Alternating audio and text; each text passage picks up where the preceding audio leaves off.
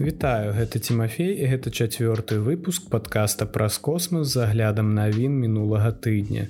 Сёння раскажу вам пра перанос запуску місіі Артеміс 1 і грузавой місіі SpaceX. Афіцыйным пратаколе кантакту з іншапланетянамі, насеннем у космасе, аб драматычным здымку славеснай імглістасці конус, запуску GPSS2 і іншым. Давайте пачынаць.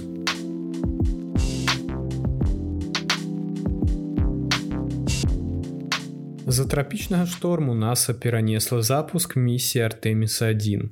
NASAа вырашыла перанесці запуск місіі на сераду 16 лістапада з-за трапічнага шторму Ніколь, які абрынуўся на касмічнае ўзбярэжжа Флорыды ў чацвер раніцай 10 лістапада. Грунтуючыся на чаканых умовах надвор'я агенцтва вызначыла ў нядзелю ўвечары, што самым бяспечным варыянтам для стартага абсталявання гэта пакінуць ракету сістэмы касмічнага запуску SLС і касмічны карабель Орыон на пляцоўцы. Ракета SLС разлічана на ветер хуткасцю 130 км гадзіну. Бягучыя прагнозы прадказвалі, што самыя вялікія рызыкі на пляцоўцы былі якраз звязаны з моцным ветрам.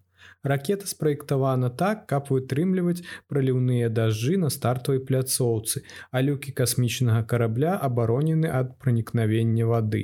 Рыхтуючыся да шторма інжынеры адключілі касмічны карабель Орыон, асноўную прыступку СЛС, прамежкавую крыягенную рухальную прыступку і паскаральнікі.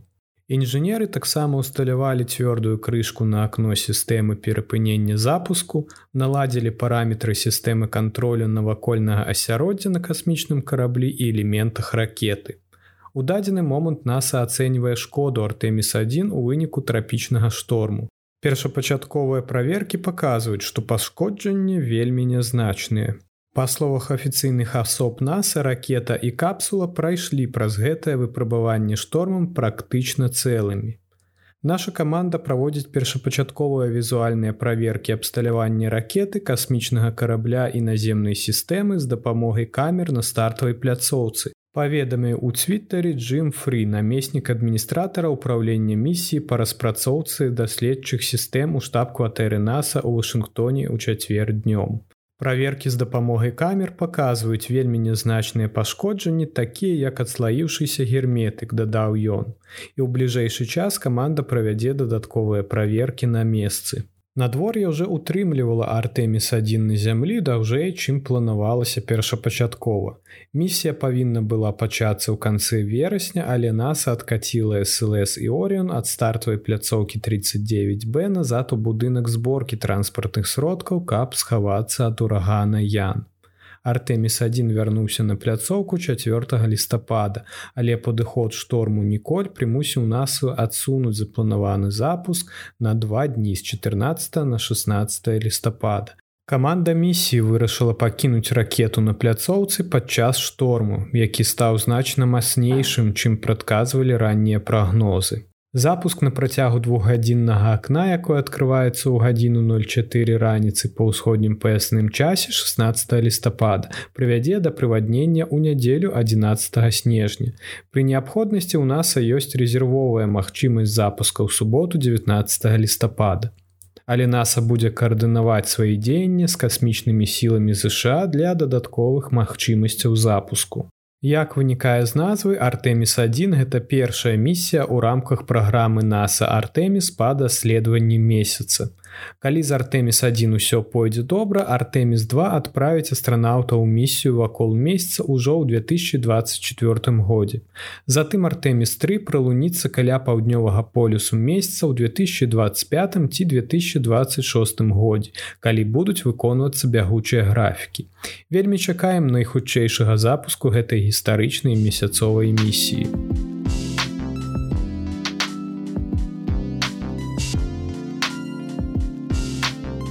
Гэты ж трапічны шторм Ніколь стаў прычынай пераносу наступнай грузавой місіі SpaceX на 21 лістапада.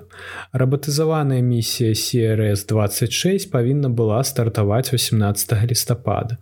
Але трапічны шторм Ніколь адсунуў старт наступнай грузавой місіі SpaceX на міжнародную касмічную станцыю на тры дні. Рабатызаваны палёт, вядомы як CRS-26 павінен быў стартаваць з пляцоўкі 39А ў касмічным цэнтры Кеннеді NASAа ў Флордзе 18 лістапада. Але ніколі якая 10 лістапада абрынулася на касмічнае ўзбярэжжа Флорыды як ураган першай катэгорыі змяніла гэты план.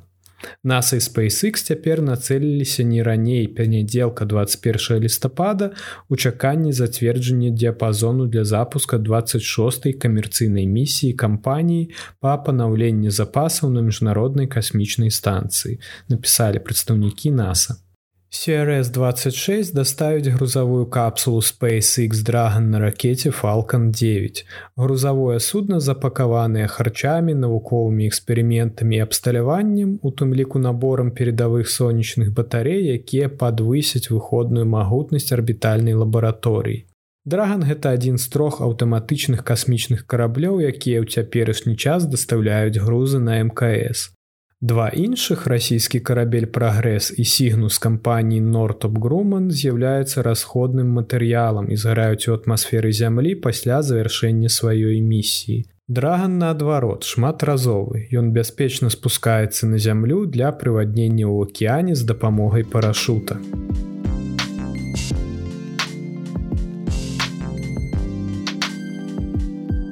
Навукоўцы працуюць над афіцыйным пратаколам кантактаў з іншапланецянамі, калі іншапланецяне звяжуцца з зямлёй. Мы не гатовы да таго, што іншапланецяне звяжуцца з намі. Група экспертаў поўная рашучасці змяніць гэта з дапамогай першага новага пратакола кантакту з іншапланецянамі за 35 гадоў калі б заўтра пазаземнае жыццё адправіла нам паведамленне як бы адрэагавала чалавецтва? Па словах даследавальнікаў мы яшчэ не ведаем і гэта праблема. Вось чаму ўпершыню за 35 гадоў каманда экспертаў у галіне палітыкі і навукоўцаў аб'ядналася каб усталяваць набор пратаколаў кантактаў з іншапланецянамі якому ўвесь свет павінен прытрымлівацца ў выпадку раптоўнай сустрэчы з іншапланецянамі Навуковая фантастыка перапоўнена даследаваннем аб уплыве на чалавечае грамадства пасля сустрэчы з іншапланецянамі, кажа Джон Элет, вучоны з універсітэта Сент-Эндрус у Шотландыі. Эліот з'яўляецца каардынатарам нядаўна створанага цэнтра выяўленняў, які будзе ўсталёўваць новы пратакол кантактаў з іншапланецянамі. Па словах Элета новая даследчая група выйдзе за рамкі разважанняў аб уплыве на чалавецтва патэнцыйнай сустрэчы з іншым іншапланецянамі і замест гэтага засяродзіцца на тым, як мы павінны рэагаваць. Цяпер адзіны пратакол кантакту з іншапланецянамі, які ёсць у людзей, быў усталяваны супольнасцю інстытута пошуку пазаземнага разам у 1989 годзе. Пратакол, які ў апошні раз пераглядаўся больш за 10 гадоў таму расплывісты, калі гаворка ідзе аб міжнародным адказе на пазаземную камунікацыю. У асноўную ён фокусуецца на важнасці абмену адкрыццямі з грамадскасцю і шырэйшай навуковай супольнасцю. У выпадку пацверджанага кантакту з іншапланецянамі галоўная практычная рада пратакола для навукоўцаў гэта звярнуцца за інструкцыямі да арганізацыі аб'яднаных нацый або іншым іншаму кіруючаму органу. Што павінна рабіць арганізацыя аб'яднаных нацый у гэтай сітуацыі яшчэ адно адкрытае пытанне. Ад выяўлення слядоў вады на марсе да адкрыцця экзапланет патэнцыйна падобных на зямлю поспахі ў засваенні космасу апошнія дзегоддзі зрабілі ідэю жыцця ў іншых мірах больш праўдападобнай. Тым не менш, нягледзячы на больш за 100гадовыя намаганні, каб увайсці ў кантакт з гэтымі патэнцыйнымі формамі жыцця, людзі яшчэ не атрымалі адказу. Ці атрымаем мы калі-небудзь паведамленне ад іншапланецян, мы не ведаем. Мы таксама не ведаем, калі гэта адбудзецца, сказаў Элят. Але мы ведаем, што не можам дазволіць сабе быць дрэнна падрыхтаванымі. З навукового пункту гледжання сацыяльна ці палітычна для падзей, якая можа ператварыцца ў рэальнасць ужо заўтра. На гэтым тыдні міністерства обороны ЗША прадставіла справаздачу, у якой сцвярджаецца, што няма ніякіх доказаў прысутнасці пазаземных наведвальнікаў. У больш за 140 выпадках неапазнаных паветраных з'яў, аб якіх паведамілі амерыканскія вайскоўцы вінаватыя замежныя беспілотнікі шпіёны і паветраныя перашкоды, такія як метэазонды. Гэта з'яўляецца значна больш распаўсюджанымі тлумачэннямі дзіводстваў у небе Амерыкі, прынамсі на дадзены момант.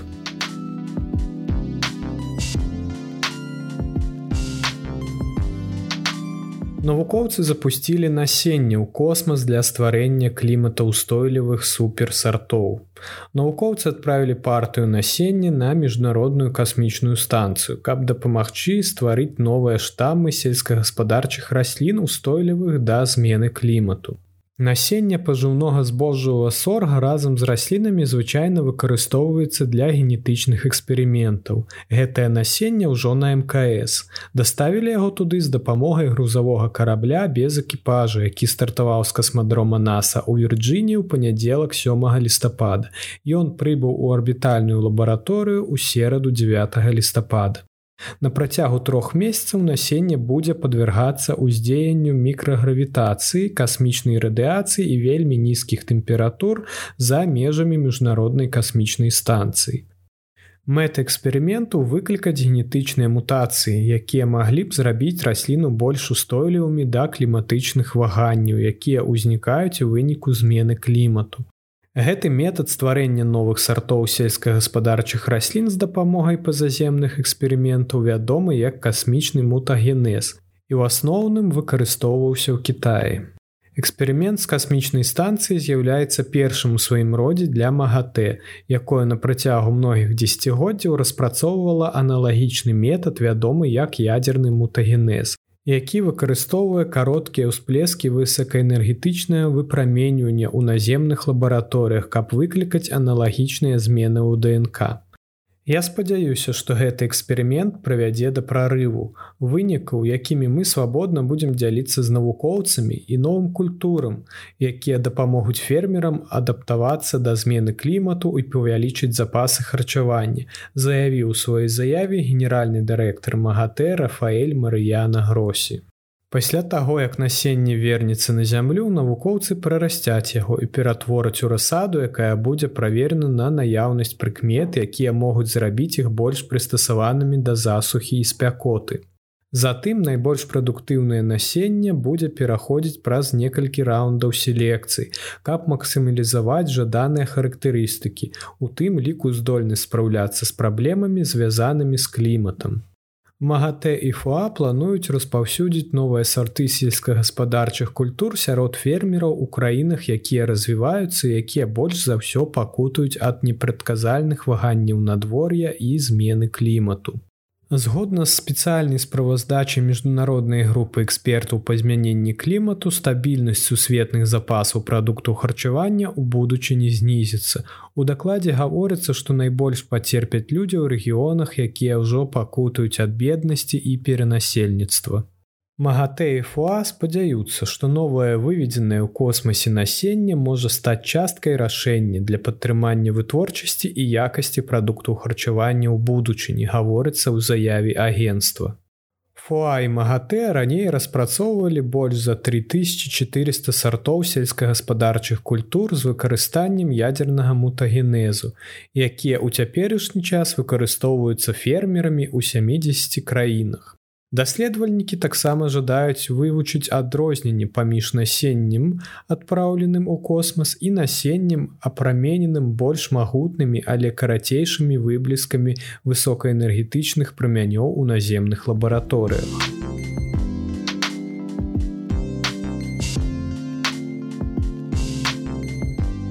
Драматычны здымак злавеснай імглістасці конус, які вы абавязкова павінны ўбачыць па спасылцы ў апісанні. Новы здымак імглістасці конус паказвае слупападобнае воблака халоднага зоркаўтваральнага малекулярнага газу і пылу з беспрэтэдэнтнай дэталізацыяй. Імглістасць атрымала сваю назву з-за сваёй кананічнай форме і размешчана ў турбулентнай вобласці NJC 2264 дайжынёй 7 светлавых гадоў, якая з'яўляецца месцам інтэнсіўнага зоркаўтварэння, размешчаным прыкладна ў двух з паловай тысячах светлавых гадоў ад зямлі. Паколькі імглістасць кону знаходзіцца адносна блізка да нашай планеты, яна добра вывучана. Аднак на папярэдніх выявах не хапала дэталізацыі, якую можна ўбачыць у новым назіранні.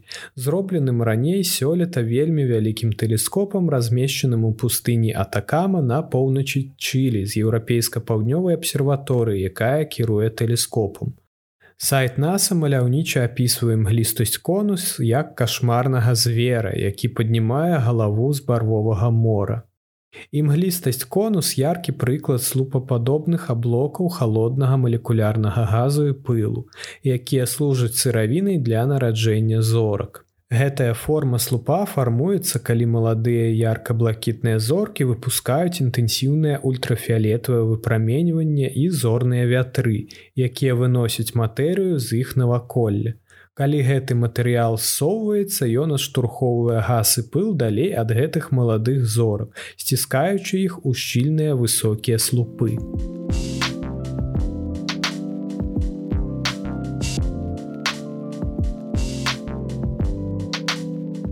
Міні-зоркалёт ці кітайскі стартап хоча зрабіць уласную версію марсіанскай ракеты SpaceX. Space Epoch сабрала грошы і пачала вырабляць паліўныя бакі. Новы кітайскі стартап спрабуе распрацаваць уласныя шматразовыя ракеты з нержавеючай сталі, відавочна чэрпаючы натхненне ў касмічным караблі SpaceX наступнага пакалення.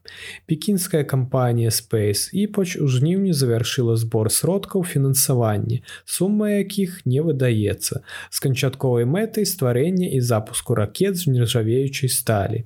І гэтыя ракеты будуць абсталяваны рухавікамі, якія працуюць на сумесі метану і водкага кіслароду. Space Іпач першапачаткова хоча распрацаваць ракету вышынёй 64 метры, здольную вывесці 6 з паловай тысячу кілаграм на сонечна-сінхронную арбіту вышынёй 1100 кіламетраў. Новы касмічны карабель будзе нашмат менш і менш магутным, чым касмічны карабель SpaceX, які мае вышыню 120 метраў і можа адпраўляць 110 тонн на нізкакалазямную арбіту. Space Іпач уже зрабіла паліўныя бакі для ракеты з нержавеючай сталі дыаметрам 3 і 4 метра. Гэты працэс, па словах кампаніі, таксама закладвае аснову для выкарыстання нержавеючай сталі для стварэння цэлых ракет. Наступныя крокі будуць уключаць выпрабаванні баку разам з ракетнымі рухавікамі. Кампанія купляе метанавыя рухавікі ў іншага кітайскага стартапа, вытворца рухавікоў. Гэта значыць, Space Іпач не трэба распрацоўваць уласныя рухавікі. Space Іпач хоча ўнесці свой уклад у нацыянальную касмічную інфраструктуру Китая, арыентуючыся на рынкі, у тым ліку прамыя перавозкі, касмічны турызм, будаўніцтва касмічных станцый і даследавання далёкага космосу. У Кіtayi ўжо ёсць некалькі запускаў стартапаў, якія з'явіліся пасля таго, як у 2014 годзе ўрад змяніў палітыку, адкрыўшы касмічны сектар для прыватнага капіталу. Space Іпач гэта не новая кампанія, але яна спрабуе зрабіць нешта вельмі амбіцыйнае. І гэта азначае, што можа прайсці некаторы час, перш чым мы ўбачым які-небудзь арбітальны запуск ад гэтай кампаніі.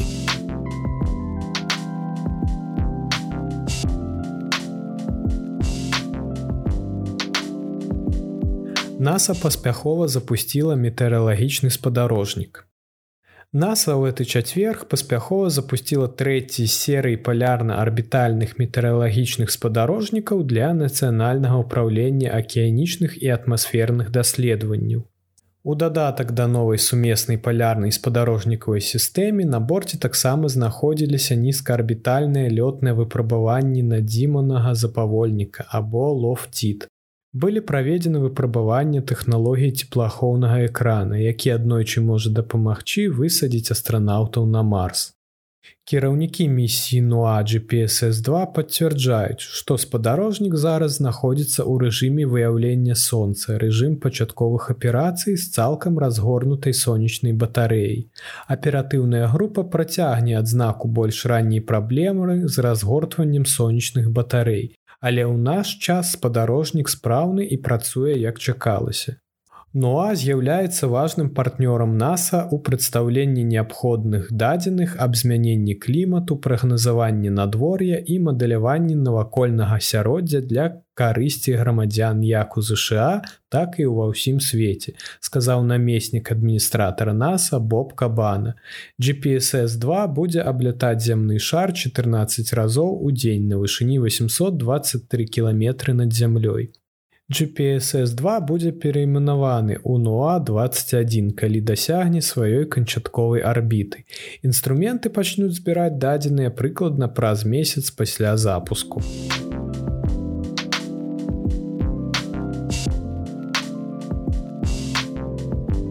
Капстон хутка сустрэнецца з ключавым момантам свайго касмічнага маршруту да месяца.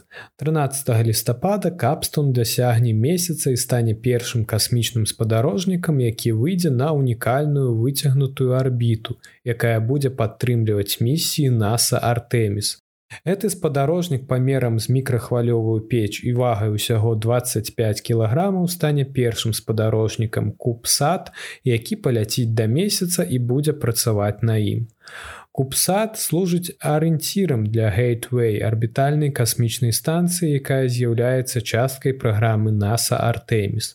Місія Кэпстон дапаможа знізіць рызыку для будучых касмічных караблёў у тым ліку Орыон за кошт праверкі інавацыйных навігацыйных тэхналогій і праверкі дынамікі арбіты, на якой ніколі раней не лёталі. На гэтай асаблівай арбіце фармальна вядомай як амаль прамалінейная гала арбіта гравітацыйнае прыцягненне зямлі і месяца ўзаемадзейнічае, забяспечваючы на паўстабільную арбіту. Там фізіка выконвае большую частку працы па ўтрыманні касмічнага караблю на арбіце месяца, памяншаючы запатрабаванне касмічнага карабля ў выкарыстанні паліва для падтрымання становішча ў параўнанні з іншымі падобнымі арбітамі. У нас вялікія планы на гэты унікальны тып арбіты. Інжынеры разлічваюць, што гэта дазволіць ім размяшчаць буйнейшыя касмічныя караблі, уключаючы гейтвей на арбіце месяца як мінімум на 15 гадоў. Эфектыўнасць выкарыстання паліва для такіх працяглых місій з'яўляецца ключавым фактарам. За апошнія некалькі месяцаў капстоун выканаў 5 манёраў, каб выраўніць сваю траекторыю выхаду на арбіту. Пры гэтым каманда адаптуецца да нечаканых выклікаў, каб капстон не збіваўся са шляху. Апошні манёр 27 кастрычніка паклаў пачатак прыбыцця касмічнага караблю на месяц. Апроч гэтага у гэтага першапраходцы кубсад яшчэ наперадзе іншыя мэты. Апынуўшыся на месяцовай арбіце, Капстоун плануе запускаць свае рухавікі раз у 6 з паловай дзён. Калі гэта неабходна, каб заставацца на сваёй арбіце не менш за 6 месяцаў, што дазволіць NASAа і яго партнёрам зразумець, як дзейнічаць у гэтай унікальнай арбіце. У прыватнасці Капстоун пацвердзіць патрабаванні да рухальнай усталёўкі кропкі для падтрымання сваёй арбіты. Гэта дапаможа прадказваць мадэль паводзін, памяншаючы лагічныя нявызначанасці для будучых касмічных апаратаў. Місія Капстон прадэманструе некалькі тэхналогій, якія закладуць асновы для камерцыйнай падтрымкі будучых месяцовых аперацый. Партнёры NASAа тэсціруюць перадавыя інструменты для планавання місій, пракладваючы шлях і пашыраючы магчымасці для невялікіх і больш даступных касмічных і даследчых місій на месяц, марс і іншыя месцы па ўсёй сонечнай сістэме.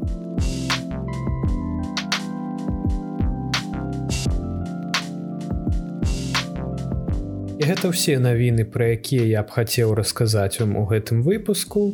Цяпер да падзею, якія нас чакаюць. На наступным тыдні нас чакае не так шмат цікавага. Як я ўжо казаў пачатку выпуску, NASAа працягвае планаваць запуск сваёй місіі Артеміс1 з касмічнага цэнтра Кеннеді ў Флорыдзе у гадзіну 04 раніцы па ўсходнім стандартным часе ці ў 904 па мінскім часе у сераду 16 лістапада у агенства ёсць двухгадзіннае акно для запуску.